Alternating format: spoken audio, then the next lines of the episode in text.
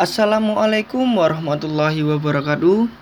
Kembali lagi dalam podcast saya yang tentunya menambah ilmu pengetahuan. Semoga teman-teman yang mendengarkan senantiasa dalam lindungan Allah Subhanahu wa taala.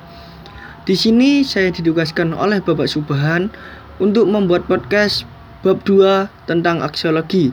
Saya di sini mengambil tema hak asasi manusia. Menurut Undang-Undang Republik Indonesia Nomor 39 Tahun 1999 tentang hak asasi manusia, yang dimaksud dengan hak asasi manusia adalah seperangkat hak yang melekat pada hakikat dan keberadaan manusia sebagai makhluk Tuhan Yang Maha Esa dan merupakan anugerahnya yang wajib dihormati, dijunjung tinggi, dan dilindungi oleh negara, hukum, pemerintah, dan setiap orang demi kehormatan serta perlindungan harkat dan martabat manusia. Contoh pelanggaran hak asasi manusia yaitu bullying di sekolah Beberapa tahun lalu, seorang siswa di SMA negeri di Jakarta mengaku dihardik, dipukul, dan dicengkram oleh tiga seniornya hingga lebam-lebam.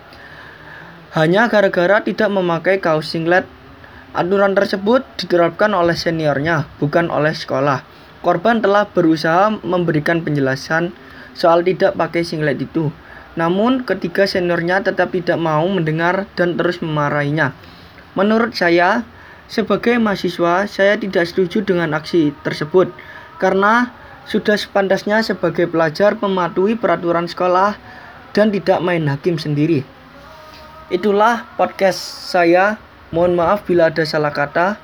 Wassalamualaikum warahmatullahi wabarakatuh.